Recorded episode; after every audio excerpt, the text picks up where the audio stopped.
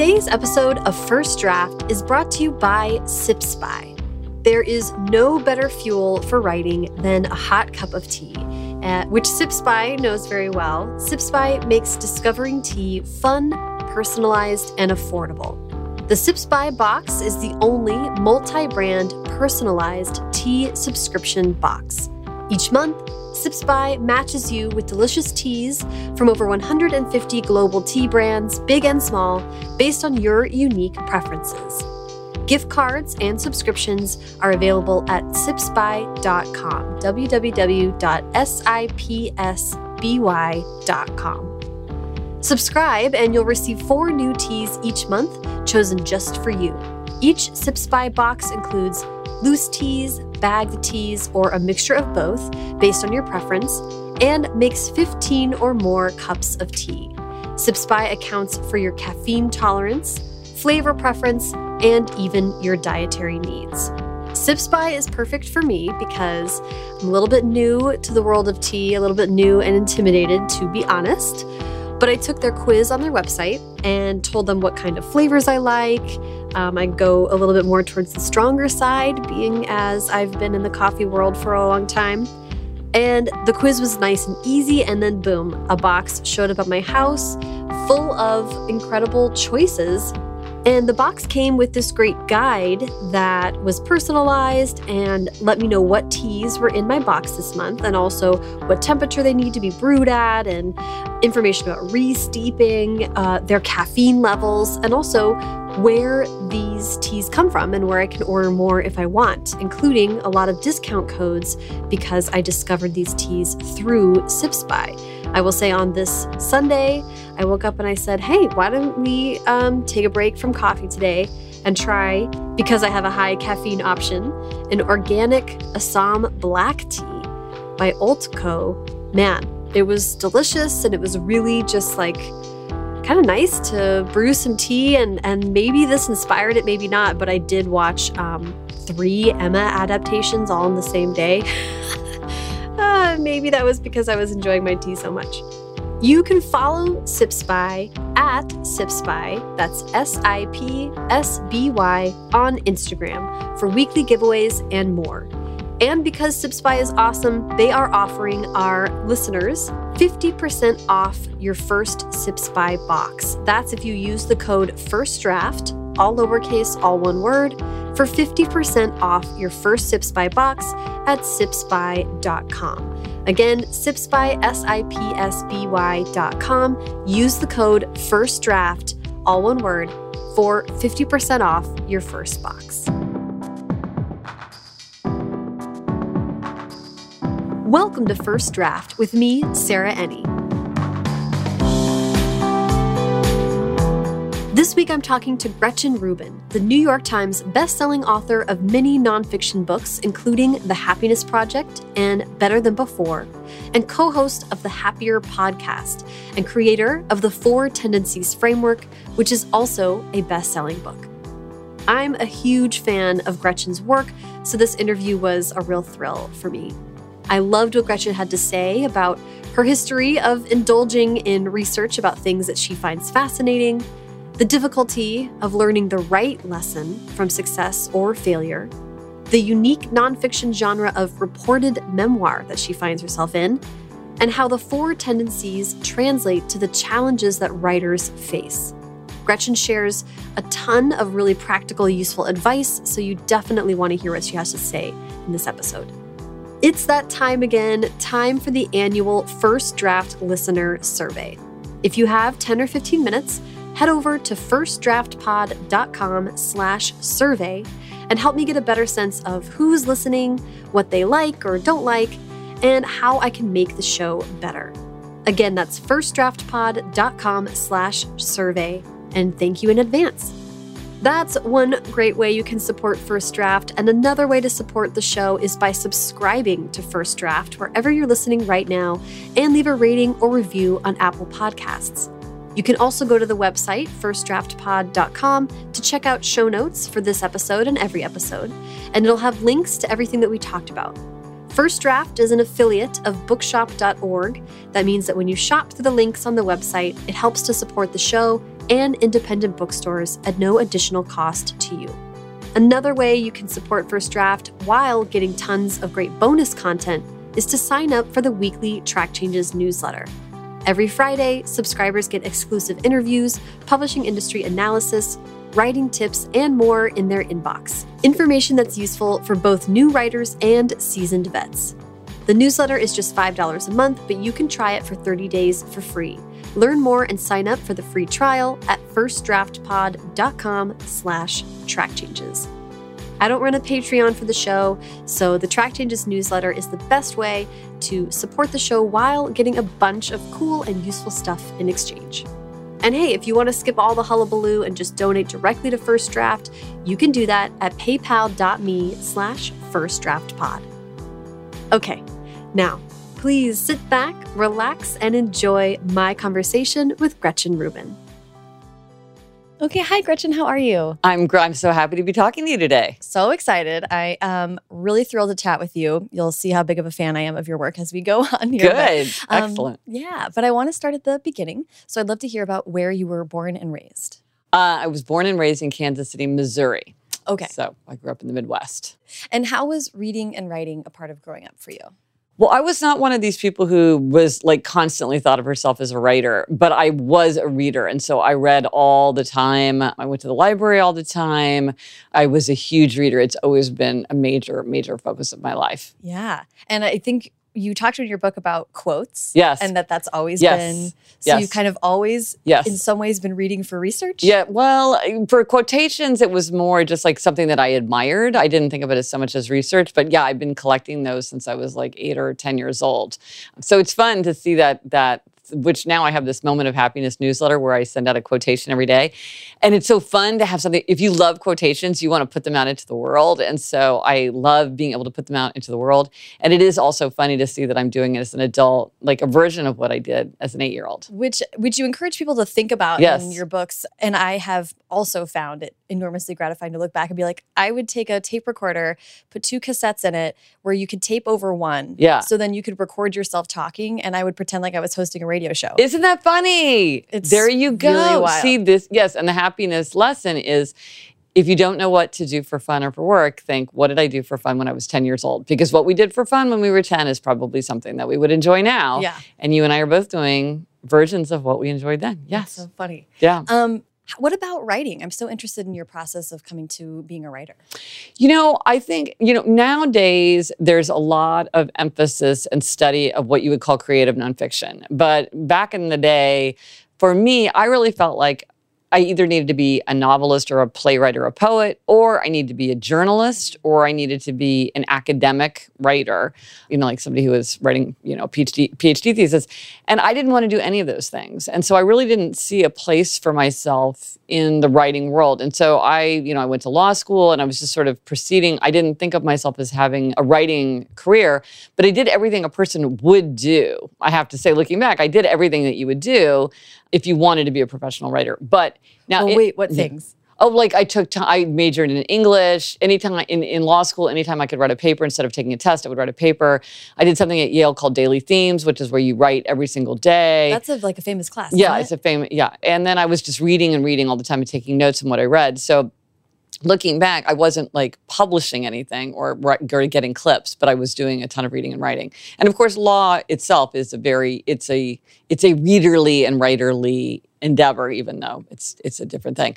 Now, in my mind, I know that this is not factually accurate. This is my mind playing tricks on me because I've tried to figure out the timeline and it doesn't work. But in my mind, I went into a bookstore and saw the book by Mark Kurlansky called Cod, The Eyes of the World Through the Mind of a Fish. And I was like, oh my gosh, this like breaks open my concept of what nonfiction could be. That you could write a book about the history of the world through the lens of cod. And it just it just blew my mind. I don't think that actually happened, but that's what I remember. and that sort of began to show me um, the possibilities of nonfiction in a new way. Yeah, that's such a funny way to remember that story yeah, too. Like, yeah, yeah, yeah. Your mind consolidates. Yeah, like, this something like thing. this is this is what emerged from it. But what really got me started in writing is I was clerking for Sandra Day O'Connor, so I was clerking on the Supreme Court, and I went outside on a bright summer day to go for a walk during my lunch hour, and I thought, and you know, sometimes you ask yourself these theoretical questions. And so I thought, what am I interested in that everyone else in the world is interested in? Just as a kind of like, you know, thought question. I thought, well, power, money, fame, sex. And it was like power, money, fame, sex. And I immediately became completely preoccupied with researching these subjects. And to me, they were very linked. And so I was doing all this research, and I and that happens to me often. I'll get really preoccupied with something, and I'll do tons of research. It happened to me when I was little. I like I remember I did a huge amount of research on the Salem witch trials. It happened to me just recently. I'm like super super preoccupied with the placebo effect right now. But so then I was doing power, money, fame, sex, and so I was working and working and working on that, and then finally it got to the point where I thought, well, this is what a person would do if they were going to be writing a book and then I thought, well, maybe I could write that book. And then I went to the bookstore and got a book called something like How to Write and Sell Your Nonfiction Book Proposal. And okay. then, yeah, well, just let's, follow let's the directions. yeah. let's take, take a couple steps back and then get to that. I okay. love I love this progression. And I'm, I'm really well. First of all, I'm just interested in. Yeah. Um, I love the Supreme Court. Oh yeah. I lived in D.C. for a while, and I was oh. lucky enough to cover a case one time. Oh yeah. Like Anita Totenberg is like. Oh yeah. A personal yeah. hero, but what was um, and I don't want to skip over the fact that speaking of kind of law crossing over with writing, I feel like you were the editor in chief at the Yale Law Review. Yeah. So it is funny there was like these yeah. links. What is it like to clerk for a Supreme Court justice as far as like what does your day look like? What kind of mm. processing are you doing? Yeah. I feel like this is like seeds of researching right. and sorting out. Yeah, it is. And in fact, one of the things that I feel was super valuable for me, well, partly it's just the, the legal writing is extremely linear and and um, you're making an argument and you're dissecting an argument. And so I feel like a lot of writing is kind of sloppy and that they'll just like assume something without proving it. And I'm like, well, nothing that you say makes any sense because I don't, you haven't proven to me that just like your framework is even. So, so I feel like it was a very good training in just like making a, a consistent argument. And I remember when, when I was writing my, uh, my book about Winston Churchill, I was working in a library and I had a sentence that was some kind of assertion. And then I was like, okay, but somebody could say this, but then I would say that. And then they could say this and I would say that. And I later realized that 20 minutes had gone by and I was just playing out the argument in my head. And then I was like, I stand by my assertion. And none of that appeared on the page. One of the things I had to unlearn from law is like, you, people don't want to go down every single rabbit hole with you the way they do in law. In law, you're like every single thing has to be accounted for, but that doesn't work in regular lay nonfiction. and so that was good. But I also feel like one thing that really helped me with law, coming from law is that a lot of it is really boring. It's really boring. I spent a lot of time on employment law, mm-hmm. ERISA. And I feel like being able to harness your mind and to be able to discipline my mind to stay focused on something that's really boring or very tricky or very hard to come back to it over and over again was a really, really good muscle that was strengthened during my clerkship. Yeah. Um, you do give advice to people when you talk about career advice, you talk about the concept of drift. Yes. And that seems maybe like it applied while you were. Oh 100% yes. No i i i am in the embodiment of drift. That's why i can write about it with such authority. Yes.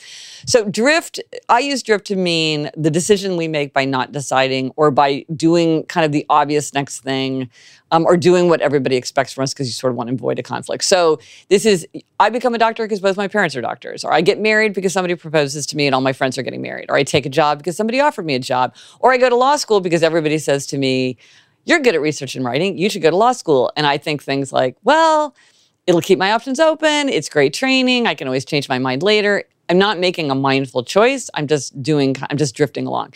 And the tricky thing about drift is the word drift suggests that it's kind of the lazy way or the easy way, but often drift involves enormous amounts of work. Because rather than sit down and ask myself, what do I really want from life anyway? What am I good at? What do I want? I just go along with the flow and end up going to law school, which is really, really, really hard. Yeah. You know, I mean, from taking the LSAT to taking the New York bar exam and clerking, you know, I clerked for years, you know, two years. I mean, it was a lot of work. It was a lot, lot of years of my life. And, and I'm not, I don't regret it. Sometimes drift works out fine, which is part of what's confusing about it. Sometimes it does work out fine. But I was not making a mindful choice. And so now looking back on it, I feel like I'm sort of just lucky that everything worked out. I met my husband, I have tons of friends, I had this fantastic experience, but I did not mindfully choose that path in a way that now um, I, I feel like I try to be much more, um, you know, purposeful in my actions. Right. And and I heard you in an interview talk about the argument amongst thinkers over time about whether thinking about happiness too much yes. is and you kind of applied it to to this and I in that interview you said that you hadn't really thought about yeah. your happiness in that way at that point. Well, I mean, I just wasn't thinking about happiness at all. Like I just was, and you know, and that's why I feel like this idea that people are like so worried about their happiness that they're unhappy. I'm like, I just don't encounter that in the world. I think that that's like a journalist problem that they've made up to write about. I don't run into people like that very often. I think most people just don't think it, they don't they don't take it into account. I don't think going to law school was a question of my happiness though. I think it was a question of my aims. Like what what kind of career aim do I want? A lot of times you do things for your career aims that make you desperately unhappy. Like you're super anxious and worried and you dread every minute, but you're like, well, this is what I have to do if I want to have this career. And so you sort of, you know, it, happiness doesn't always make us feel happy. Right. So I wouldn't have decided to go to law school or not based on whether it felt it made me feel happy at the time. Right. Um, but I didn't think about it uh, in a purposeful way. Yeah. Um, well, let's talk about about that. Getting Yeah. to uh, jump forward to this book. Yeah. I'm so struck by the fact that you did all this research in your spare time, which law Yeah. clerks Yeah. at the yeah, Court yeah. I spare know. time is a loose term, but yeah, yeah, but you were obviously very preoccupied by yeah, it. yeah. So, what did you encounter as far as a, a nonfiction proposal? How did you put that Oh. together? What was that like? I mean, I literally bought this book and followed the directions um, because I needed to get an agent first, of course. And I think one thing that a lot of people don't know is that getting an agent is harder than getting a, a, a book deal, I think, for many, many people. Once you have an agent, you have somebody on your side, you have somebody to give you advice, um, somebody to give you direction, somebody to kind of tell you what to do.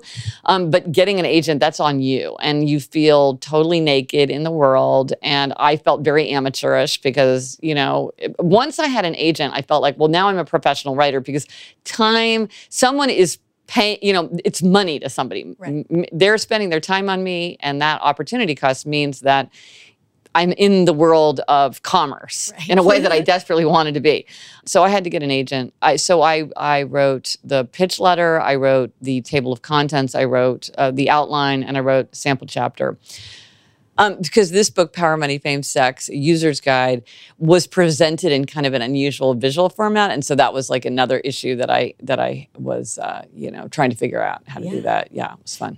When I look at that uh, that book, okay, now you know we had the benefit of, of hindsight of your career so far, but Power, Money, Fame, Sex, it feels like a happiness project prototype. Yeah. Like it's just such a different approach to these things. Well, it's interesting because to me, all my books feel very connected because they're all about human nature. Um, but you're right. Power, Money, Fame, Sex is kind of like the opposite of the Happiness Project in a way, but it was really good groundwork. It was really a great way to kind of. I was trying to sort of di- dissect human nature and and categorize and find examples and ways to make arguments. But for me, like all my books are really about human nature. Even something like a, a biography of Winston Churchill, well, he's such a gigantic figure. It's he's easy to look at. He's a he's a an, such a powerful exemplar of human nature. And we know so much about him because he was so written about and he did so many extraordinary things and was such an amazing writer. He's like easy to study, you know, um, under the microscope. Whereas, like an ordinary person, you wouldn't be able to do it in the same way. Right. Yeah. So you did get an agent for that book. You sold that book. That Yes. book came out, and and I'm I might have my timeline wrong here, but somewhere in there you were also moving to New York and deciding to become a writer. Well, no, I moved to New York as part, like when I was writing the proposal. Got it. so I was writing the proposal. I moved to New York, got an agent, and yeah, got the book contract. Yeah. yeah, and yeah. and began kind of a transition into choosing to write. no, no, no. There was no transition. It was like drop mic. Yeah, I moved to New York, and I'm like, that's it. Yeah, that's so exciting. Mhm. Um, so what was the from from Power, Money, Fame, Sex to the 40 Ways to Look at Winston Churchill and the 40 Ways to Look at JFK? Yeah. What made those projects interesting to you? What kind of made human nature. I Okay. really wanted to study these these great examples of human nature, and I was also very interested in the problems of biography. And Mm. so, especially Forty Ways to Look at Winston Churchill is really also about the problem of biography, which is you're going to hear the story I want to tell you. Mm. And you think that you're making your own judgment about Winston Churchill, but you're really not because I'm telling you what I think is important and what I want to know. And I'm going to spin the details to get you to the place that I want you to be. I remember I always have like for almost all my books, there's like a moment where I had the idea for the book, and the idea for the Churchill book came. I was in a cab on 69th and 3rd, and I said to my husband, because at that point I was just preoccupied with Winston Churchill. I was reading all this Winston Churchill, and I said to him, this was before I was going to write the book, And I said, you know, you could write a very positive biography of Winston Churchill, or you could write a very negative biography of Winston Churchill, and they would both be true. And he said, you could write a book like that. And I was like, you're right, and I am going to write that book. I'm I am going to write that book, and I did, you know, because it is um, it's a fascinating question. I love that. yeah, yeah. Okay, that's so Yeah. interesting. So lead me from the the two 40 ways books Yeah. come out, but you uh, you didn't move forward doing more 40 ways. No. What made you decide to shift direction? Well, I had wanted to write a book, 40 Ways to Look at Richard Nixon. And I did a ton of research for that. And I've always been really, really interested in Richard Nixon. My editor was just like, I don't want you to do that. I don't think anybody's going to want to read it. So I wrote about Kennedy instead. That was great. I was very, very interested in JFK. But that book just didn't, as, okay, so this is the book that did not work. And what they tell you when your book is a huge flop is they say your book did not find its audience. Mm. And that book did not find its audience. And I also was talking to somebody, Jonathan Burnham, who's like a very well known, extremely brilliant literary guy. Um, and he, not in reference to my work, but just kind of in general, he was saying, you know, when people read a biography, they, they like to read a big, comprehensive biography with like new information. And it's very hard to write a successful biography that doesn't follow that. And in fact, that is true. And I was like, no, no, no, that's not the truth. I'm writing these books. They're amazing. And it's like, nah, people don't really like these books. And like with the Churchill book, it was the people who were already deeply, I thought it would be like a gateway drug because Winston Churchill's the most interesting person in the whole world. And so everybody would read this and then they would go read Manchester or whatever. No, the people who liked this book were the people who already knew everything about Churchill, so they were interested in the nuances that I was exposing. And then with JFK, what I realized is like some people love JFK, some people despise JFK, and nobody's interested in the nuanced version that kind of shows you both. They either want the adulation or they want like the criticism. Mm-hmm. And my book was like pleasing no one. So hindsight. But the thing that I really learned from the Churchill, from the Kennedy book, first of all, I learned that the 40 Ways structure, as much as I loved it and I wanted to write about Leonardo da Vinci and I wanted to write about Franklin and I wanted to write about Virginia Woolf and in the 40 Ways structure, it wasn't resonating with an audience. Okay. The other thing that I learned was I felt incredibly powerless because I couldn't control who reviewed it. I couldn't control if I got any coverage for it. I couldn't reach people who I knew were interested in Kennedy to tell them about the book. Maybe they didn't even know the book existed. Maybe they would have been interested in the book, but they didn't know about the book. I couldn't put it on the shelves in the bookstore, you know. And it was just at that time that blogging was really taking off. And I became very interested in the idea of being able to reach an audience myself mm. and wanting to have the tools because I was so frustrated by not having any tools. I was very eager to learn about anything that promised the opportunity to reach an audience. So I was fortunate, I think, in that failure because I think if that book had done even fine, even mediocre, I probably wouldn't have been open to learning how to blog, which was like a huge amount of work and and um, you know stressful, and it was just a huge amount of work. For, Right. You know, it has been a huge amount of work ever since. So I feel in a, you know sometimes you don't know what's good news and what's bad news. So maybe I was very fortunate in that that book um, flopped so resoundingly that I had no choice but to try to learn from it, um, which I did. That's great. Yeah. Well, that's uh, great for authors to hear. I Yeah, think there's, yeah, yeah. Um, you can always change direction. Yeah, yeah, and yeah, else. it's hard. I think with success and failure alike, it's hard to learn the correct lesson, and I think that often we learn the wrong lesson, and that's always a real d- danger. And I'm always thinking to myself, well, I feel like I learned this lesson, but is that the lesson I really learned? And is there a different lesson that I should be taking from it? I think something that can happen, I've seen happen, is that if your first book is a big success, you think, oh, I'm just that kind of author. I'm a big successful author. And you don't understand that maybe that's just not going to happen every time. You can't count on that. So that you sort of learn the long, wrong lesson. Maybe the lessons of success are even harder to learn than the lessons of failure because the lessons of failure maybe are clearer. I don't know. I think uh, I would argue that you are right. Yeah. Um, I think it's a lot easier to move from failure to success than from success to failure and back. Yes, yes. That seems really hard. yeah. Uh, and also, you'd have to sort of have, you know, we're speaking about agents and representation and Yes. feeling official.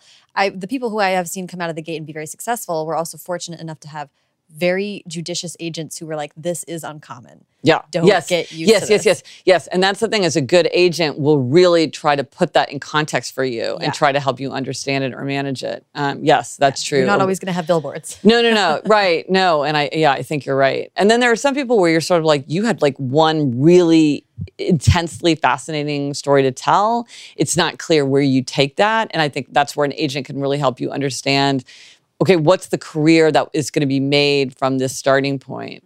I mean, one another thing I would say because I know you're, so many of your audience are in this situation. Like one thing that's important, I I feel in hindsight is you have to put up structures in advance because what I've seen happen to a lot of my friends is like they'll be like tootling along, one book, two books, fine, fine, and then a book will hit big, and then they're like, oh my gosh. I need to build a newsletter list. I need to try to and and like it's like there's all these fish going down the river, but your net isn't up to get the fish when the fish are and so all this stuff comes you're you're promoting your book promoting your book and you're in this like thing and then it's all over and then you're like well now i have a chance to build all this infrastructure but it's kind of too late because you've missed your opportunity and so one thing i would say to people is think about what you need in advance of when you think you're actually going to need it because when you actually need it it's probably not possible to build it in time. Now, I think people have gotten much better about this. It used to be that I remember when like writers would say things like, well, my publisher is telling me I need to have a website. And I'm thinking, well, that's just extra work for me and you're not paying me for that. So no way. And I'm like, okay, well, that's just, I mean, I don't think anybody says that anymore unless they're like, you know, Robert Caro or something. um, because there are things that we just need to do to be professional but things like email capture you know just there's certain things that you want to at least have a rudimentary sense if you think there's at all an opportunity that you don't want to miss. I mean, one thing I do, I'm a big, big believer in the email list. And get, and even if you're not sending anything out, just capture them in some way. And like every time I do an event, unless it's like a thousand people, I, pa- I pass a like a legal pad with my handwritten thing, like sign up for Gretchen's free weekly newsletter or or a daily happiness quotation, and I just pass that thing around, and it couldn't be more DIY. Um, and uh, But that's kind of charming. but also, I- but it's sort of like it works. I mean, I've tried different things. This is the thing where actually the most people sign up, and I just do that, and it's the long game. And I think a lot of times it's like you got to be thinking about the long game, and it's not about like, okay, what am I going to do for this month or Yeah. like this three months because I've got a book coming out or I've got a big art, or like if somebody writes an article that goes, you've got an a, a- an article that goes viral or it's on like the most emailed New York Times list, and you had no idea that was coming. Well, and then all these people are emailing you. It's like, okay, what's your plan? And again, a good agent will say to you, like, this is pretty good. Like, I think you, I think you might strike a chord here. Like, let's think through. But you want to be prepared for that because it doesn't happen to everybody, but you certainly don't want to miss the chance if it does happen to you. Absolutely. I think that's fantastic advice. And we'll we'll get to it, but I think better than before was a thing that helped me a lot with that. Oh, good, Um, good, good. Oh, yeah, let's get yeah. to that. Yeah, So habits. let's talk about the Happiness Project. Yes. Um, do you mind pitching that book for us? Okay. The Happiness Project is a one year experiment I took in how to be happier using the wisdom of the ages, contemporary science, and lessons from popular culture about how to be happier. I used myself as a guinea pig to see if you actually did all the things that they tell you you should do, can you make yourself happier? And so it's sort of a cross between Eat, Pray, Love and Juli- the Julia Julia Project. Wait, now I can't even remember the name of that book. What's it called? Julie and Julia was the name of the book. Yeah, the Julia, yeah. Julia. Yeah, Yeah. Yeah, So it's like a, it's like a, you know, it's when you're using yourself as a guinea pig in a, Yeah. in a, in a personal experiment. Yeah. Yeah, which I think you were one of the first ones to do that. Then there was like the year of living biblically and a lot of things like that. Yeah, yeah. I'm friends with AJ Jacobs because we're both like this. We're like in this self experimentation uh, lane. Um, yeah, there is like there there are books like that, and it's funny because this is one of the things where they're like, is it too gimmicky or like has it been done? And you're like, so like the year of project. I'm like, but the thing is, that's how people think. It makes sense to people, and so it makes sense to me that people continue to use that because it's sort of a it's a form that is very appealing to people. Absolutely. So I think the challenge is to make it feel fresh and interesting, but the fact I mean, people are going to continue to write the year you know the year of because it's Right. just an it's it's like an appealing form. I still read these books all the time myself. Yeah, Same. Same. yeah. I want to talk about where you were at personally in conceiving of this project for yourself. Mm. Yeah. Because, like you said, Yeah. it was after sort of I think it was after sort of having this thing of like, what do I need to do next? And Yeah. you talk in the book about feeling this like, am I happy Right. or as happy as I could be? Yeah, right. So I'd like to hear that. Yeah. So I was finishing up the JFK book, and there's a period with every book where you're done with your part. So you've done the copy editing and you know all that stuff has sort of gone quiet and now the book is just getting ready to come out and and you haven't you haven't geared up yet to sell the book. And it's a difficult at least for me I've not I I struggle to make good use of that time because it's hard to move forward with something new because this the other book hasn't even hit the shelves yet you know so it's it has not lived its life and yet there is kind of this open period. And so i was in that open period. So i think i had more kind of time to reflect. And i was thinking well what do i want from life anyway? I want to be happy. And i but i don't spend any time thinking about whether i am happy or if i could be happier. Maybe i could be happier than i am. Like what would that even look like? And i thought well i should have a happiness project. And that was the phrase that came to me. And i ran to the library the next day and got a giant stack of books and started researching. Again this is just the kind of thing that I do. I'm constantly being like, I'm obsessed with color. I'm going to read every book I can find about color. And so that just felt very normal to me. I'm like, yeah, this is this is how we do. But then it was just so interesting and, I, and it was so vast. And I was wanting to, the more I learned, the more I wanted to learn. And then there were all these things I wanted to try. And I was like, I got to do this and I'm going to do that. And then finally I thought, well, this is so interesting. This is so rich. Maybe this should be my next book. And so it came out of my own personal experience, but it came at right exactly the the time where I was able to like execute on it and be like, okay, this is the next book. Yeah. What to this point, had you been thinking about your previous works as studies of human nature, or did that? No, I don't think so. Okay. That's a good question. I don't think that I did. I don't think that I had uh, kind of figured out the thread myself. Right. Yeah, it Which was is- almost backward looking. Yeah, yeah, it's so it's so Okay, rich and obvious now. But here's a here's a like. Sometimes it's like people say things and they say them with such such conviction. You're like, obviously they're right. And then I remember saying to somebody like, "Oh yeah, my subject is human nature." And she said, "Wait, "Your subject can't be human nature. That's too broad." And I was like, "Oh, I guess not." And then I'm like, "What the hell? Yes, it is." Who are you to tell me that's not my subject? This is like the greatest. I mean, I'm like the greatest minds in history have studied human nature. Like, how can you tell me like I can't do it? you can get a degree in philosophy. Well, but goodness, goodness sakes, I don't know, but I like I, I really fault myself for like sort of swallowing that for like a good couple months. I was like, gosh, I guess that's right. And I was like, no, what's she talking about? She's probably jealous because I said it, and she's like, dang it, why didn't I tell people my subject was human nature? Like, yeah, I got dibs on that. Yeah, yeah, yeah. Stay away from human nature, people. I'm I'm the writer about that now. I don't think so. You know, so Ah, it's I love funny. it. Yeah. Well, I want to. I wanted. Speaking of of people who have studied human nature and, Yeah. and all the different perspectives on it, when you say I started to research it, yeah. what does that mean? Were you Oh. reading novels? Were you reading Yes. essays? Were you reading uh, psychological uh, um, uh, Treatises, yeah. yeah. Well, you know, it's a, it's an issue for me with everything that I write because first of all, I'll start with the things that are very obvious. So if I'm writing about happiness, I'll read a book that's got happiness in the title, and then I'll start kind of chasing the books that if you're if you're doing a lot of research in a subject, you start to see that certain things begin to be touchstones that everyone's referring to. So then you read the touchstones. And and like right now I'm writing a book about the body and the senses. So first I'm reading a book called something like The Eye, and then I'm reading books called something like Reading in the Brain, which is sort of going deeper. But then I get to a point with all my books where it's like it's not clear where in the Dewey Decimal System the idea is going to come from.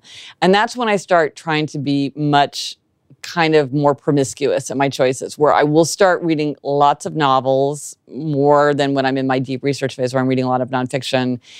People that I also know are very, there's certain writers and novelists who are just very, very thoughtful, where they really are much more, it's not so much just about the plot, but it's sort of observations of human nature. Or I'll read essays like Hazlitt or Samuel Johnson, often will give me ideas or or even if I don't agree with it, it'll kind of get me thinking about a certain thing. But a lot of times, and I'm sort of hitting this with my my next project, there comes a point where I don't exactly know what I'm researching, and and it's very tantalizing because every single book that crosses my path, I think this book could have one sentence in it that will somehow kind of be the insight that I need that would just kind of turn everything around because I I have that experience often where I will read a single line and it'll be like this like I remember um, when I was writing Better Than Before that was all about habit change. Before I read that, was reading. I, am obsessed with Samuel Johnson. Read ton, tons of Samuel Johnson. So then I was reading even this kind of like I don't even remember what they call it. It's like miscellany related because Samuel Johnson was just so hilarious. People would write down everything he said. And so it was just like some accounts of random conversations he'd, he'd had in his life of Samuel Johnson. And Samuel Johnson said, somebody offered him wine, and he said, I can't take a little child. Um, abstinence is as easy to me as temperance would be difficult. And when I read that, I was like, oh my gosh, I'm an abstainer. I can have none, but I can't have a little. I'm going to give up sugar because it's just easier for me to have none. So that one sentence completely transformed my understanding of myself, my understanding of habit formation, my understanding of human nature. And I'm like, that was that was like in an appendix of a book that I checked out of the library randomly, you know. So I am very haunted by the idea that the research is everywhere. And also, I'm really lucky because now that I'm engaged with my listeners and my readers, they are my research assistants. So the whole world is a, re- they'll be like, I know you're interested in color. Did you see this work? I know you're going to the Metropolitan Museum every day. Did you see this funny piece on Bored Panda? People be like, "Do you know about this writer? Um, here's this. Uh, here's I'm writing about habit formation. Here's this crazy thing that worked for me. What would you say to that?" And so, like, I have all this kind of data coming in from all over the world. So it's just I feel so fortunate. Yeah, you are describing though like a, a, a massive amount of Yes. input. Yes. So at what point do you? How do you? How do you first manage that? Yeah. And how do you? Make yourself do the writing and the processing Yeah. that is not intake anymore. Yeah. Um, the research, everyone, every nonfiction writer knows that it's very hard to stop doing the research because that feels productive and yet it's not like writing a book. So I do it in a very crude way. And I've heard of people that have much more sophisticated systems, but I just have these giant documents of notes. So, like, I have one called Quotes 2006 Plus, which is be- after every quotation that isn't otherwise categorized. That's usually beautiful writing or very perceptive insight, not having to do with a, subject. Then I have like happiness, habits, Churchill. Then I have something called notes, which is like I when when I am very um, wise in like 30 years, I hope I'm gonna write a book about symbols beyond words. So this is notes for that project, which I don't anticipate doing for decades. Right now, I have a thing called five senses, even though I don't think I'm gonna argue for nine senses. I called it five senses just because what are you gonna call it? And that's everything related to the five senses. And then I just word search um, through it if I need to I find gonna say, something. are we talking about Word documents? Are we talking about They're Excel word spreadsheet? they're word documents. Um, now, because the five senses is going to be a book, I did organize that into into sections. But often I'll have something that's just even pre-organized. That's just a mass of stuff, and I kind of like that because I feel like unexpected juxtapositions sometimes promote ideas or like sometimes in like my quotes thing i'll just look up something like nature and i'll just look for every quotation that mentions nature and it just it's just weird what it kicks up. So it's it's a kind of my own way of doing a commonplace book but i know people have more sophisticated ways of organizing them and i just only organize it once i've decided to write a book about it and then that becomes the organization but i'm really good at remembering like little like little pieces of things. So i can often be like okay george orwell wrote that thing about what is work and then i can find it because i can just search for what is work or Yeah. george orwell or feather feather feather because i think i think doesn't he mention feathers in that quotation? I think a feather you know so. I think every author can relate to also when you're when it's when your book is almost done, you'll be like, oh, that one sentence. Oh, yes. And I know it has this word in it, Yeah, and it's on this page. Yeah, no, you're no, no, right. Yeah, no, exactly. when you're like, where do I even talk about that? No, I have that problem with my books because a lot of things could sort of go in a lot of different places, and I can't even remember where in the book it is, but I can remember like what it's Yeah, near. how I phrase that or Yeah, whatever. yeah, yeah. And then you're like, why Oh, am I such a savant So about my own? here's a weird thing. Have you had this happen where like I will write something and like sweat is pouring down my face, like I'm working, working, working, working, working to write it, and then I'll realize when I go, I'm like, I actually wrote almost verbatim that exact sentence like a month ago. That's so funny. Yes, and I'm constantly trying to save myself that work because I'm like, did I did I write this section about did I write this section about ketchup and like the magic of ketchup already or not? And I'll have to go look and make sure that I didn't to save myself the trouble of just plagiarizing myself. Right. No, Yeah. I have had that. I the book I'm writing right now, I've been writing since 2012. So there was some times where I'm like, wait, is this work I have to do or have I already done it? Yes.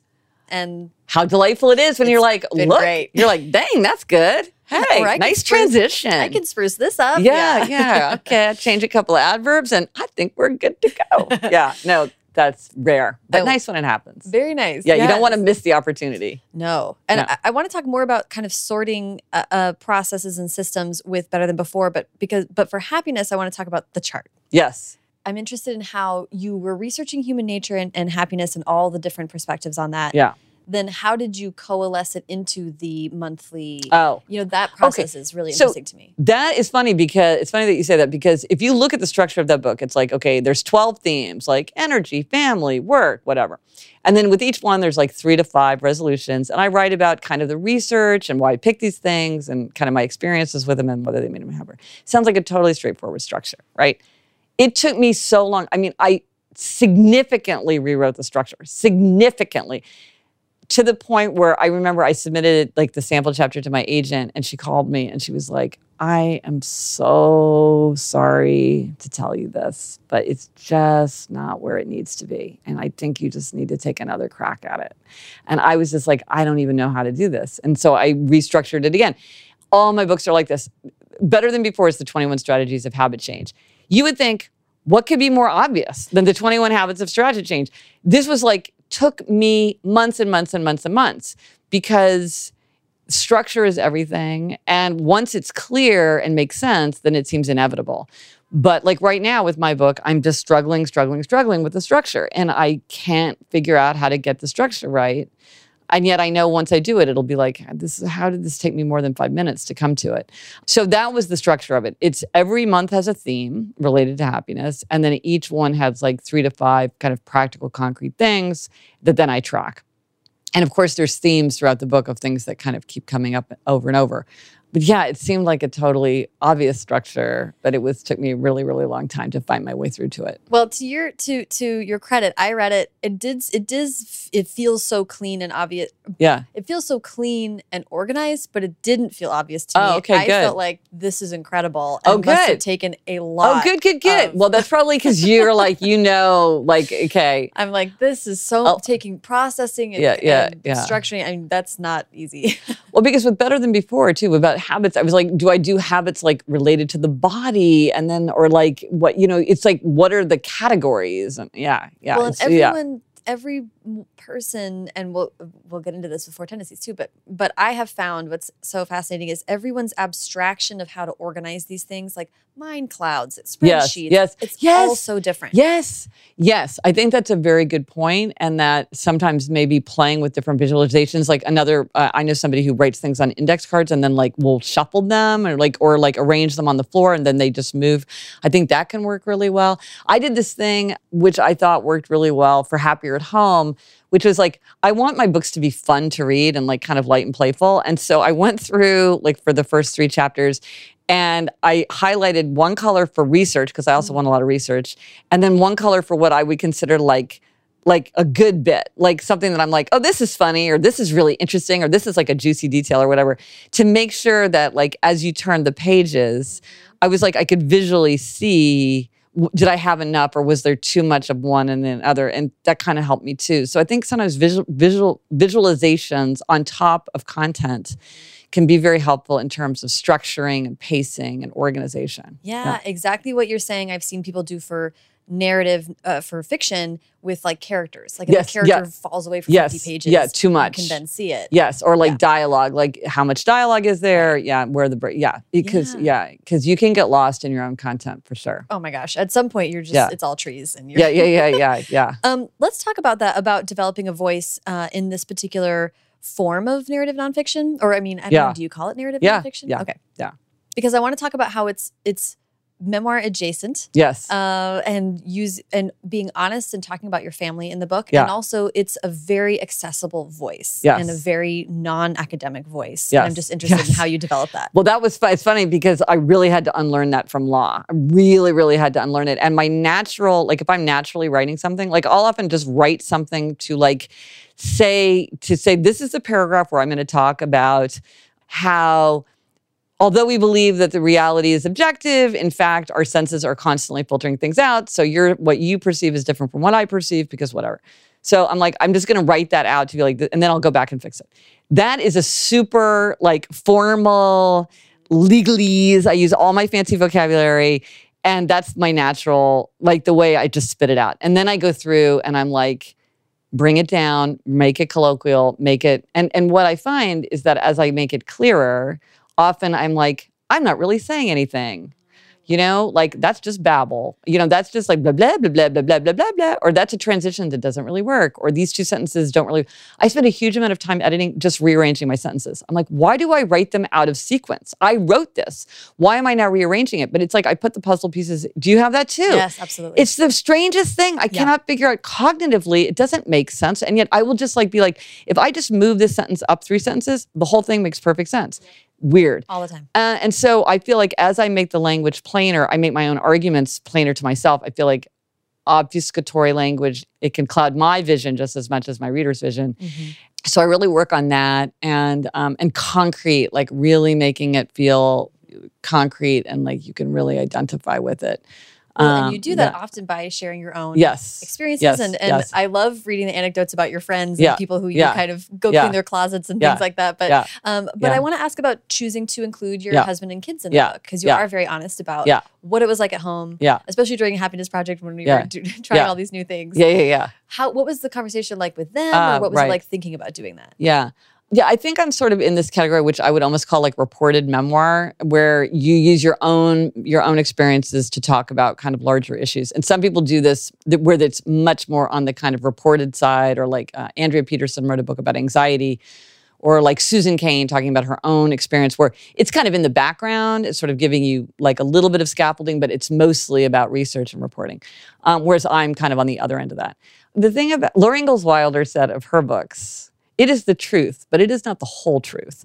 And so I think books can feel much more revealing to the people who don't know you than the people that do do know you. And look, I'm writing about happiness, so I would never include anything that even came up to the line of making somebody unhappy.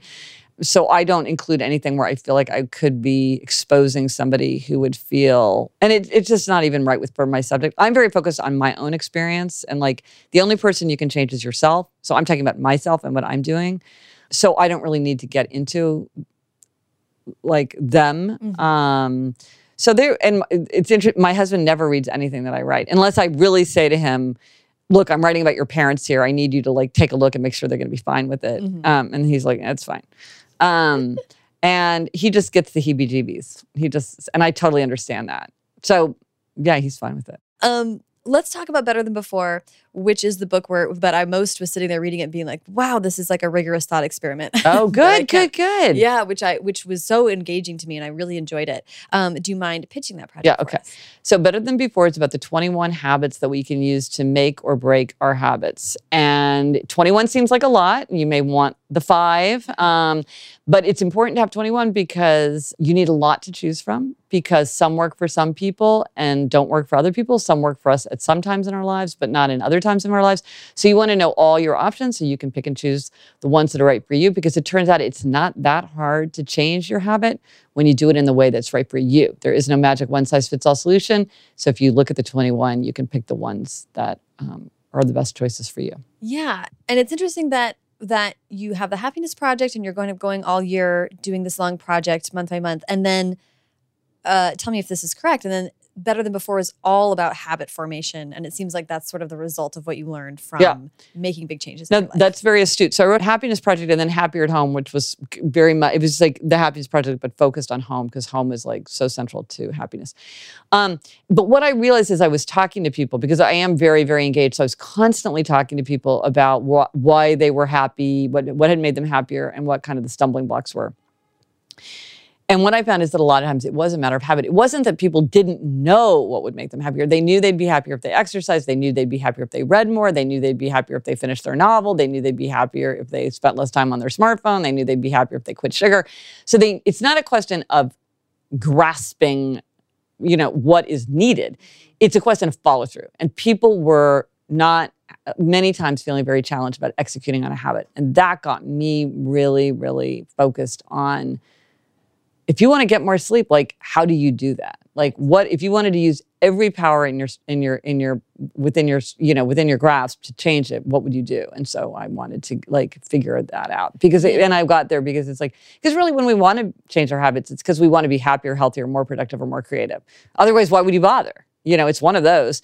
So it is all in the service of a happy life but it's like okay how do you get there through And- your conscious thoughts and actions. Right. And what I particularly loved and thought was super useful was at the beginning of the book, you do list out kind of like questions. Yeah. There are questions that you were asking yourself, but I took them as prompts and like wrote them out in Oh, good. or whatever and did Good, the good, whole good. thing to kind of get at what will make me happy and what are the ways that I can I don't Yeah. trick myself or Yes. convince myself to Yeah. do these things. And I love when you talk about um, willpower or not Yes. willpower. Do you mind explaining what?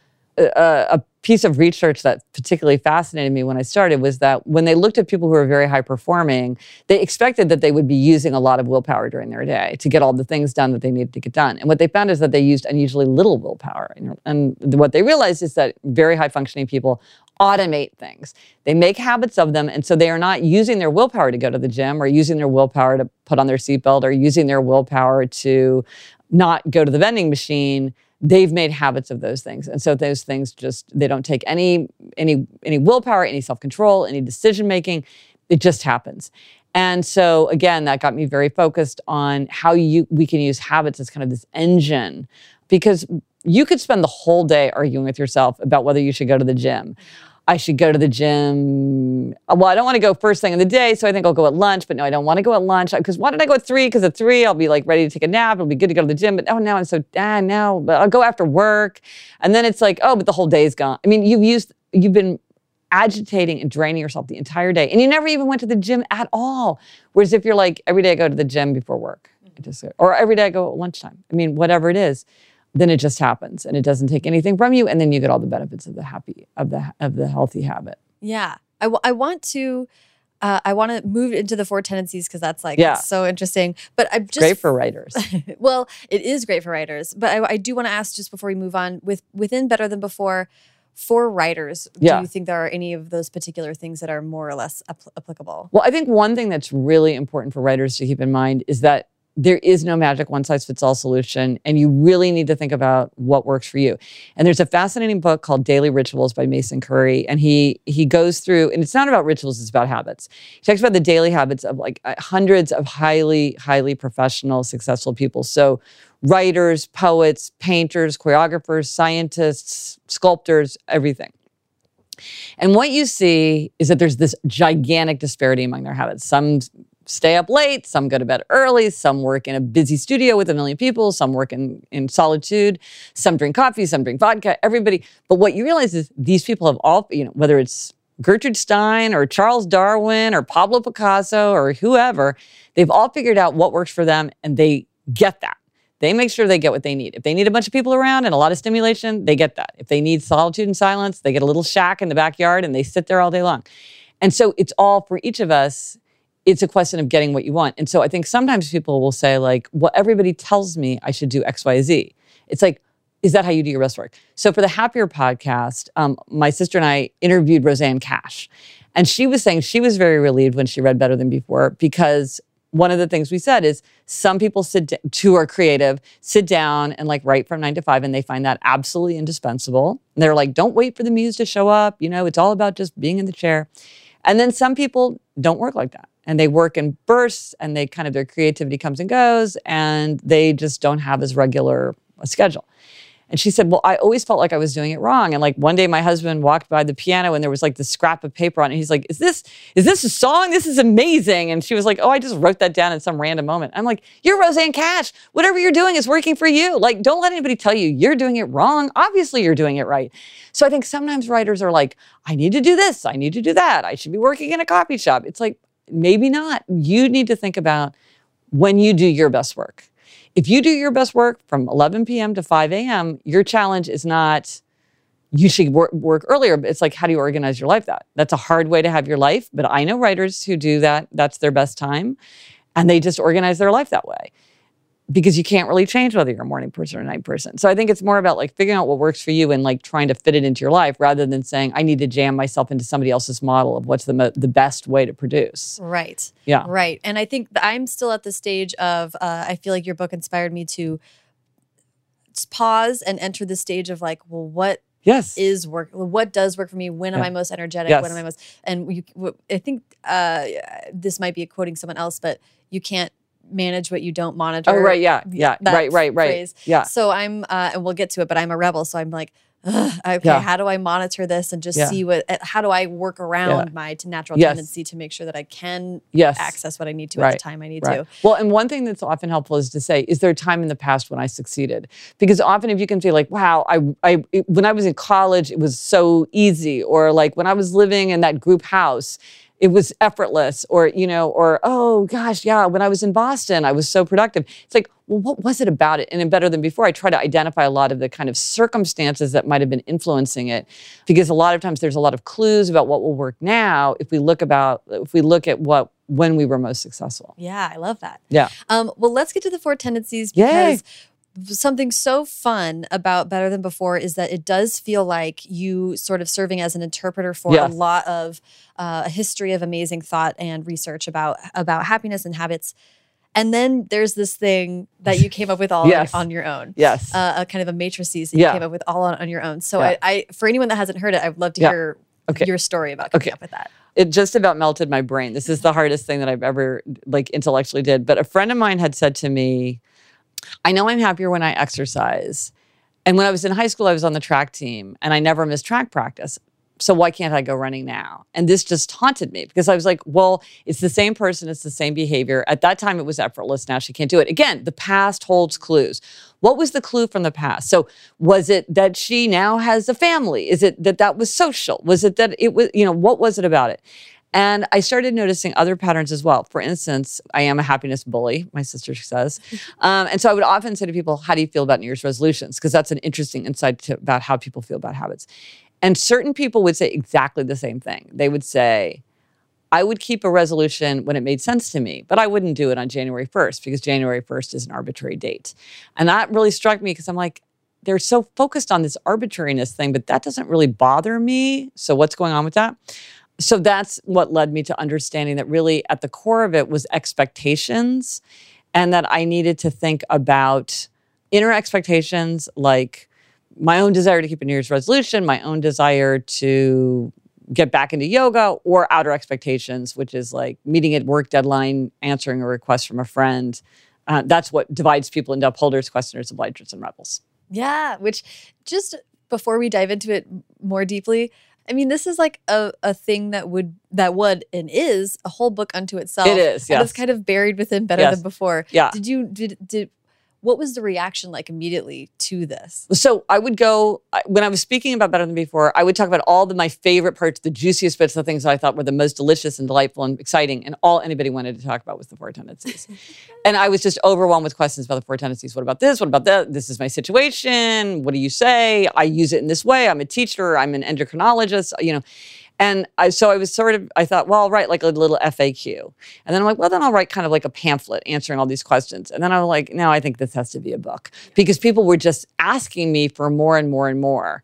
And so that's the book came out of just my experience of, of having introduced it. And then I have the quiz, which is at quiz.gretchenrubin.com, where people could take the quiz. So a lot of times people would take, like two and a half million people have taken the quiz now. They would take the quiz, they would get the report, and they would immediately say, no, no, no, I want more, I want more. And then I would say, read better than before. And then they'd be like, no, no, I want more, I want more.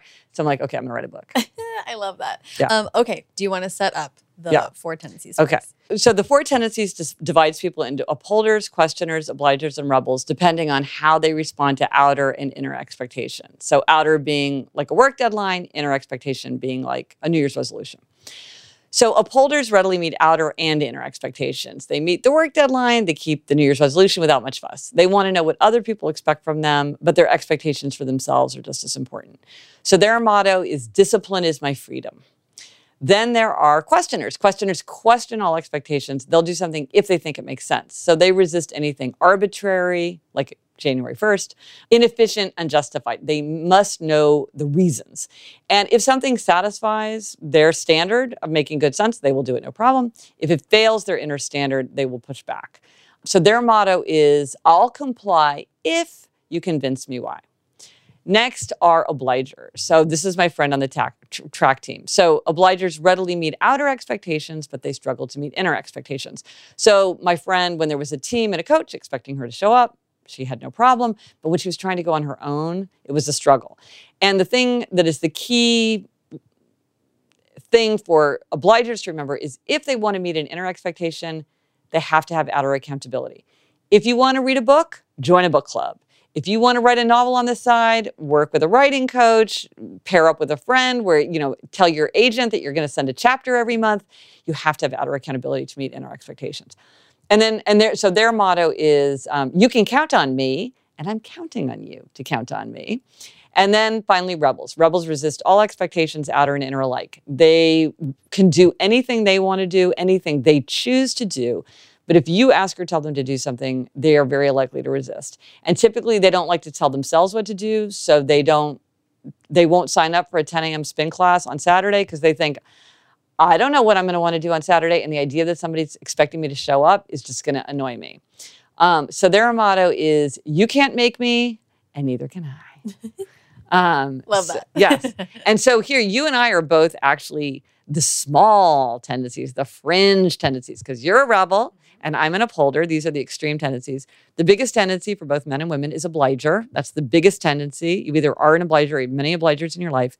And then below them is questioner. Yeah. And what when you say biggest, like what are what are the percentages? Do you have a concept of that or Oh gosh, I should know that. So I think uh, Rebel is 17%, Upholder is 19%, uh, is like 42%, and the Questioners, I can't remember what the other ones are. Yeah. Okay. Yeah. So it's not, a majority is not Obliger, but it's the biggest. Right. Um, which is so fascinating to me. Yeah. So when I read this, it was like, and I took the quiz, Yeah. and then it said rebel, Yeah. and it was really actually like very impactful. For Oh, me. good. Yeah, I took it right to therapy. Yeah, good, good, good. uh, talked about it a whole bunch um, because, and I'm sure that you've had people talk to you about this before. It was just very, uh, and the way you present it, which I really appreciate your writing style and how you presented all this, was it's very non-judgmental. yes. And it's not like, well, you're this, but if you want to be more like Yes, that, no. none of that. right. It's sort of like saying, Yes. oh, that is what my tendency Yeah. towards this stuff really is. And this is how my thought patterns are. And I don't have to fight that. I just have to learn how to work with Yes, that. exactly. And that yes. was a very relieving Oh, relieving. good. Good. Yeah, because I think sometimes people are like, well, what's wrong with me? I need to be different rather than being like, well, a tool that works for an upholder doesn't work for rebels. So, what are the tools that rebels tend to have a better success rate with? I don't need to use your tools. I got to use my own tools. Right. But what are those tools? Right. Or like obligers, obligers need accountability. Rebels tend to resist accountability. So it's just like, it's not a tool that works for everyone if it doesn't work. To do lists. It's Yeah. like rebels often don't like to do lists. So don't use a to do list. There's other ways to get stuff done and just do it the rebel way Yeah. rather than feeling like I'm not a real grown up because real grown ups use to do lists. It's like, no, they don't. A lot don't. Yeah. And I make I make long, complex to-do lists and then I kind of like walk away Yes, and do whatever I want. That is very that is very rebel. That is very rebel. Or like rebels will put like what I want to do Uh-huh. uh, to remember it's this is what I want to do. Or they will like write it on a slip of paper. I somebody put it in a slip of paper, would put it in a jar, and then pick it out. It kind of gamified it first. She liked the randomness of it, and then if she didn't want to do something that was on a slip of paper, she would just get it, the next one. And- but I think a lot of rebels make the list because they want to have it kind of, they want to kind of memorialize it, but then they don't feel any any kind of compulsion to do it. Whereas like with an upholder or an obliger, there can be like obligers can even feel very oppressed by the list because once it's on the list, they might feel not all obligers, but some obligers then will feel like, well, now I'm kind of being bossed by the list. Right.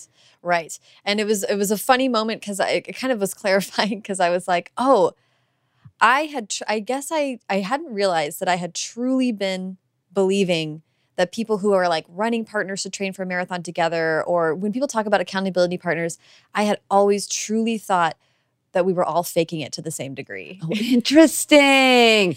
And it- I mean, it is interesting to realize how differently people see the world, right? It's mind blowing. Yeah, I was like, oh, that really works for like it actually works for you. I've been faking it forever and it's just me.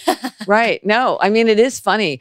It was like now, whenever I'm in an office, I make a beeline for the office kitchen because I don't work in an office. I'm fascinated by other people, like all the signs in office kitchens. And you mm. can see the four tendencies playing out because they have such different views about what's happening. yes. And they have different philosophies and different emotions. And I'm like, it's just, you don't understand that not everybody shares your way of seeing the world. Yeah. And it's for me as an upholder, I think it was so, it was particularly revelatory to really try to get it inside the rebel mindset because that's the most opposite. Mhm. And to understand the freedom.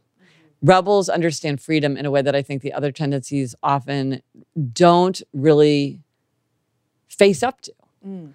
Um, so I think we can all learn from all the tendencies can really learn a lot from each other. Well, how, how do you mean that?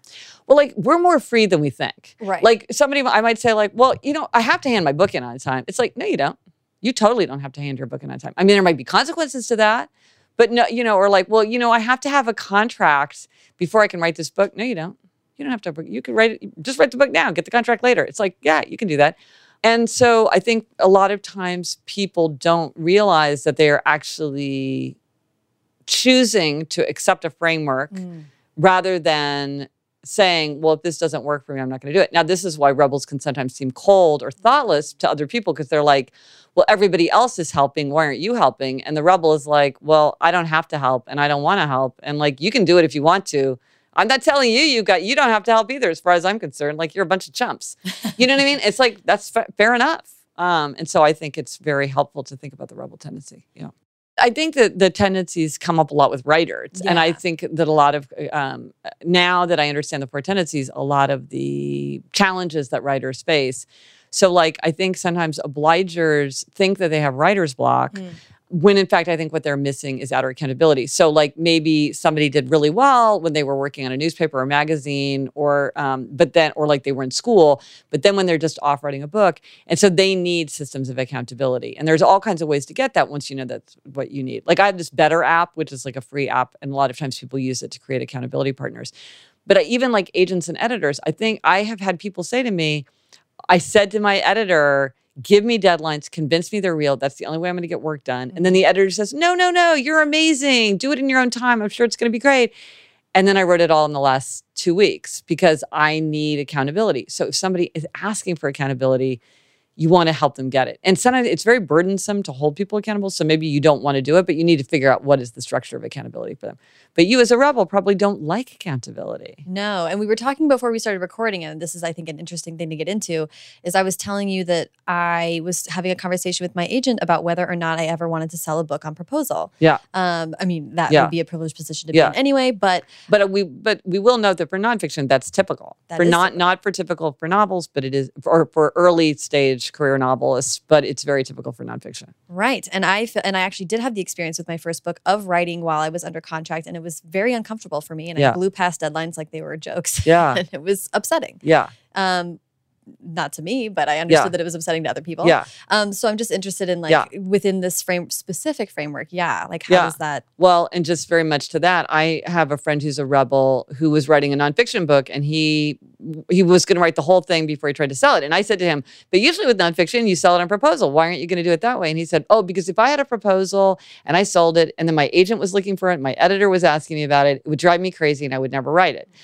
Right now, I'm writing it because I feel like writing it. I feel like writing this book. I'm having fun with it. And then once I've written it, I know I'll be like, I want to make money from this book. And then I'll go sell it and then it'll be fine. But if I try to sell it too early, then I'll just resist it. And I think that's what happened to you is it sort of you started having this feeling of resistance because you're like, you can't tell me what to do. I don't like the idea that there's this deadline. People are looking over my shoulder. I want to do my own work in my own way, back away. Mm-hmm. And so it was a distraction from you doing what you wanted, which is, I want to write this novel. Yeah. It started to feel like they're telling me to write this novel. And so that's igniting my spirit of resistance. Yep. So I think it is really important to know um, what you are.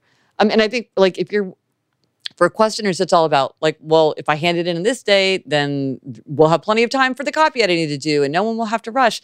But I think if you are dealing with a questioner writer and you're an editor or an agent, I think you really want to spell out to them if you meet this deadline, that's going to mean that the copy editing team is going to have plenty of time. They're going to get a great thing. It's going to mean that we have time to go through many iterations of cover in case you don't like a cover. If we get the draft by this, then that process will start. We'll have a lot of time. We'll get the catalog copy in. You know, we'll have pl- the sales reps. Everything will roll out and to explain because a questioner can be like, look, this book isn't coming out until September 2021. I think it should be fine if I hand it in. And yeah. And it's like, well, maybe you don't have the information that you need. I'm going to give you the information. Then it will seem efficient to you. You will understand the justifications. Maybe this deadline seems crazy early to you, too early. I'm going to explain to you why actually that's a very sensible and well thought through thing. And now you're going to be much more cooperative with me because you're going to understand why. And I, as your agent, I might say, why do I need to explain this to you? This is inside baseball. All you need to know is you should hit your deadline. But I know that if I'm dealing with a questioner, they're going to be much better about doing what I want them to do if they understand why I'm asking them to do it. And by the way, if I don't have a good reason to ask them to do it that way, why am I imposing that on them? Maybe they're right. Maybe they don't need to hand it in. But I mean, this is a thing that so many people argue about. It shouldn't take this long to publish a book. Right. The fact is, that's how long it takes. You know what I mean? And it's like if you want to like reinvent that process, like you better start early and figure out and like get other people on board with you because you don't do it by yourself. You're not the only one in the system. And they have their own way of doing things. And if you don't do it their way, you're going to have to work it through. And you can't just do that by missing your deadline, which is what I think a lot of people try is they're like, oh, they got plenty of give. It's like, yeah, a lot of people have to have their hands on that book. Yes, and that actually, this is so funny that you're bringing this up. I'm working on a mini series right now that's going to come out in April. That is, uh, this will tell you how questioner I am, uh, leaning that way. It, it's going to be eight to ten episodes, and it's just going to get into how does publishing work, how Yeah. you publish a book, Yes. all this stuff. I'm Yes. like, I want to talk. I talked Yes. to several editors about like Yeah. what's going on back Yes. here that we don't have access to, Yes. and that will soothe and Yes. explain yes. and cause less anxiety yes. for people out in the yes, outside. transparency.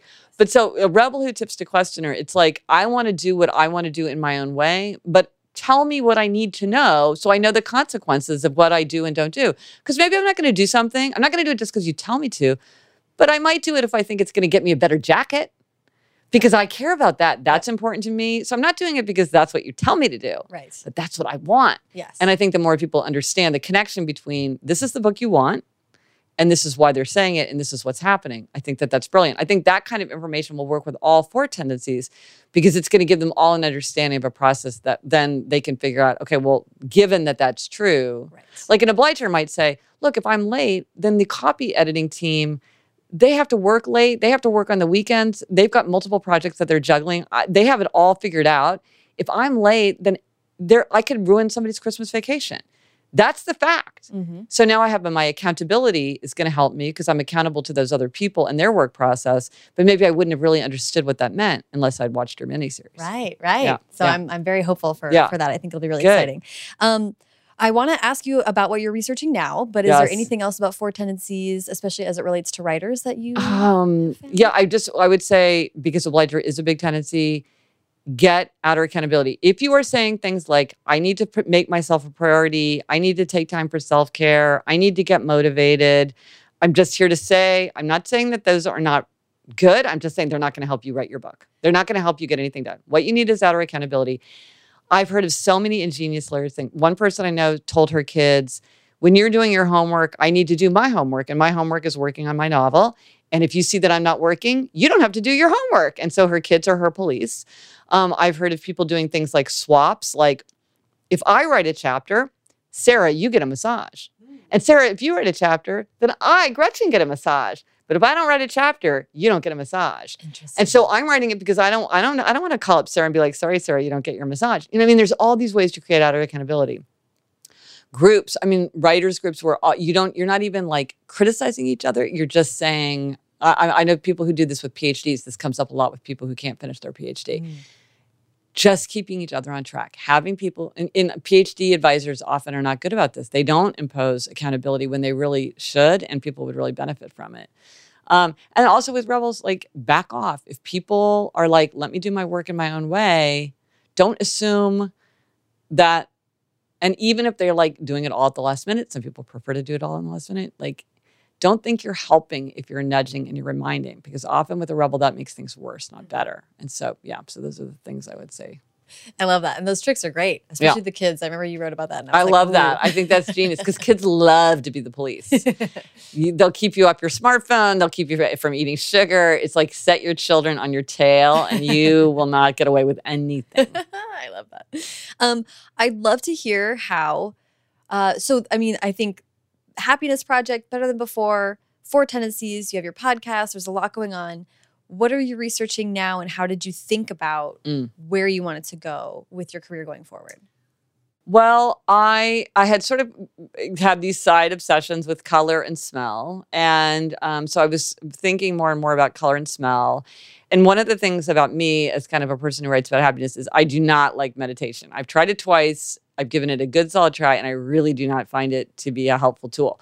And so I was thinking, well, how can I get to the mind? And I was like, I get to the mind through the body, and I'm really interested in the body. And so my book, which I still have no structure, no thesis, no title, no contract. I'm in the very early stages, but I've done a ton of research into the body and how to get to the mind through the body. Mm. Um, and so that's what I'm researching now. And so I'm I'm just I'm you know so it's everything from like creativity to brain structure, evolution, ketchup. Don't get me started about ketchup. I have a lot to say about ketchup. Um, yeah, so that's what I'm working on now. It's I- like, I'm, and I don't have a structure. And like I said, it's like I'm sure I will come up with a structure that's like totally obvious, Mhm. but right now it is not obvious to me. What I really, really like and I'm responding to in what you're saying is, and I hope, you know, if, if anyone's listening who is interested in writing nonfiction, I love that you are just following what you're passionate about. Yeah. As opposed to trying to come up with some kind of theory and then prove or disprove it. Yeah. It seems like you're just following Yeah. an exciting whatever is yes, exciting to it- you. Yeah, it's so well. They say that a lot of times research is me search, and so I'm always am writing about like, well, what am I interested in, or like, what do I feel like I need, or like, so because I really always do write through the lens of my own experience, and so I was having this feeling of like, at once feeling kind of distracted and like walking around in a fog, but then also kind of like hyper stimulated with like, there's so much color, there's so much video, there's so much noise, there's so much taste, like everything's kind of like super saturated. And I was like, okay, how can I make my body feel more alive and more vital, but also like not this kind of hyper stimulated, um, glutted feeling that Mm. I, I sometimes feel you can have. Like when I gave up sugar, one of the things I loved is I just felt like there's such a glut of sugar. And like when I took that out, um, not everybody would want to do that, but that worked really well for me. It was an interesting experience Yeah. to just dial that down. Yeah, I, I really res- I respond to that. I'm working on sleep uh, at Oh, the yeah. behest of you and every other yeah, writer about yeah, yeah, yeah, about yeah. self, and it's a lot of being like, oh well, when I lay down, I still feel like um, there's like a lot going on that I can't slow down.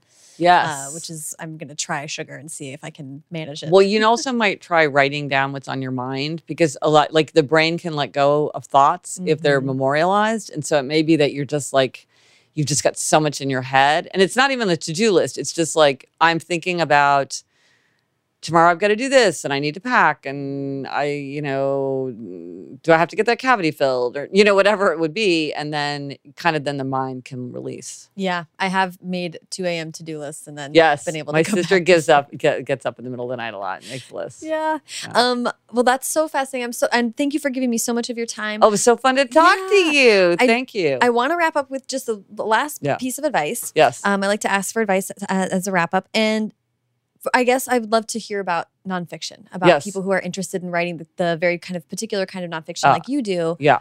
What would your advice be to getting started there? I give all writers the exact same advice that I give to myself, that I gave my, to my daughter when she was writing her college essay, which is have something to say.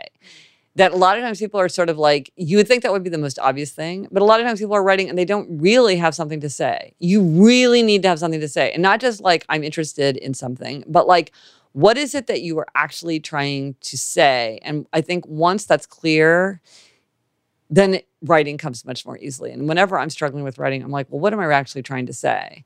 Um, and so that's my piece of advice. Um, yeah, and yeah, when you're talking about this kind of the stage you're in right now, this Yeah. broad research Yeah. stage, yeah. you uh, is it true that you're always reading with with the filter of how do I feel about this? Yes, yes, yeah, and does it fit in? Which in a way is very exhausting because every I'm like constantly evaluating eh, like every podcast episode I listen to, everything anybody says, I'm like, ooh, I need to write that down. That's a great example. Oh, you know.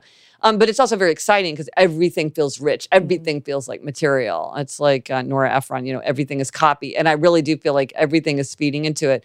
Just like you were saying, you you were saying, oh, well, if people in New York don't hear sirens. Well, this is something that I've been learning a lot about in my research about the mind and the brain, which is like the brain. We only experience sensory perceptions when it's important information for us. Mhm. Well, as a New Yorker, it's not important information for me that a siren's going by because they go by constantly and they never have anything to do with me. Yep. So my mind just very nicely blocks that out so I don't get distracted from my lovely conversation with you. But you're not used to it, so you hear it. Yeah. You're like, oh my gosh, there's a siren going by. Yeah. But that's fascinates me. So I'm like, I got to write that down. That's for the book, you know? So everything is copy. It's kind of wonderful too when you're in that phase uh, for any project. rich. There's a lot of connections being Yes, made. That's yes. a really exciting time. It's very rich. It Yeah. does. It is exciting. It's a little it's a little daunting. I would like to have structure. I would like to be in the editing phase where I'm cutting instead of adding, but it is fun and exciting to be in this stage. yeah. Well, Gretchen, thank you so much. Oh, it's so fun to So talk to you. I feel like we could talk all day. I know. Thanks. Thank you. Thank you so much to Gretchen. Follow her on Twitter and Instagram at Gretchen Rubin. Follow me on both at Sarah Enni and the show at First Draft Pod. And thanks again to our sponsor, Sips By, which you can follow on Instagram at Sips By, that's S I P S B Y, for weekly giveaways and more. For listeners of First Draft only, use the code FIRSTDRAFT for 50% off your first Sips By box at sipsby.com.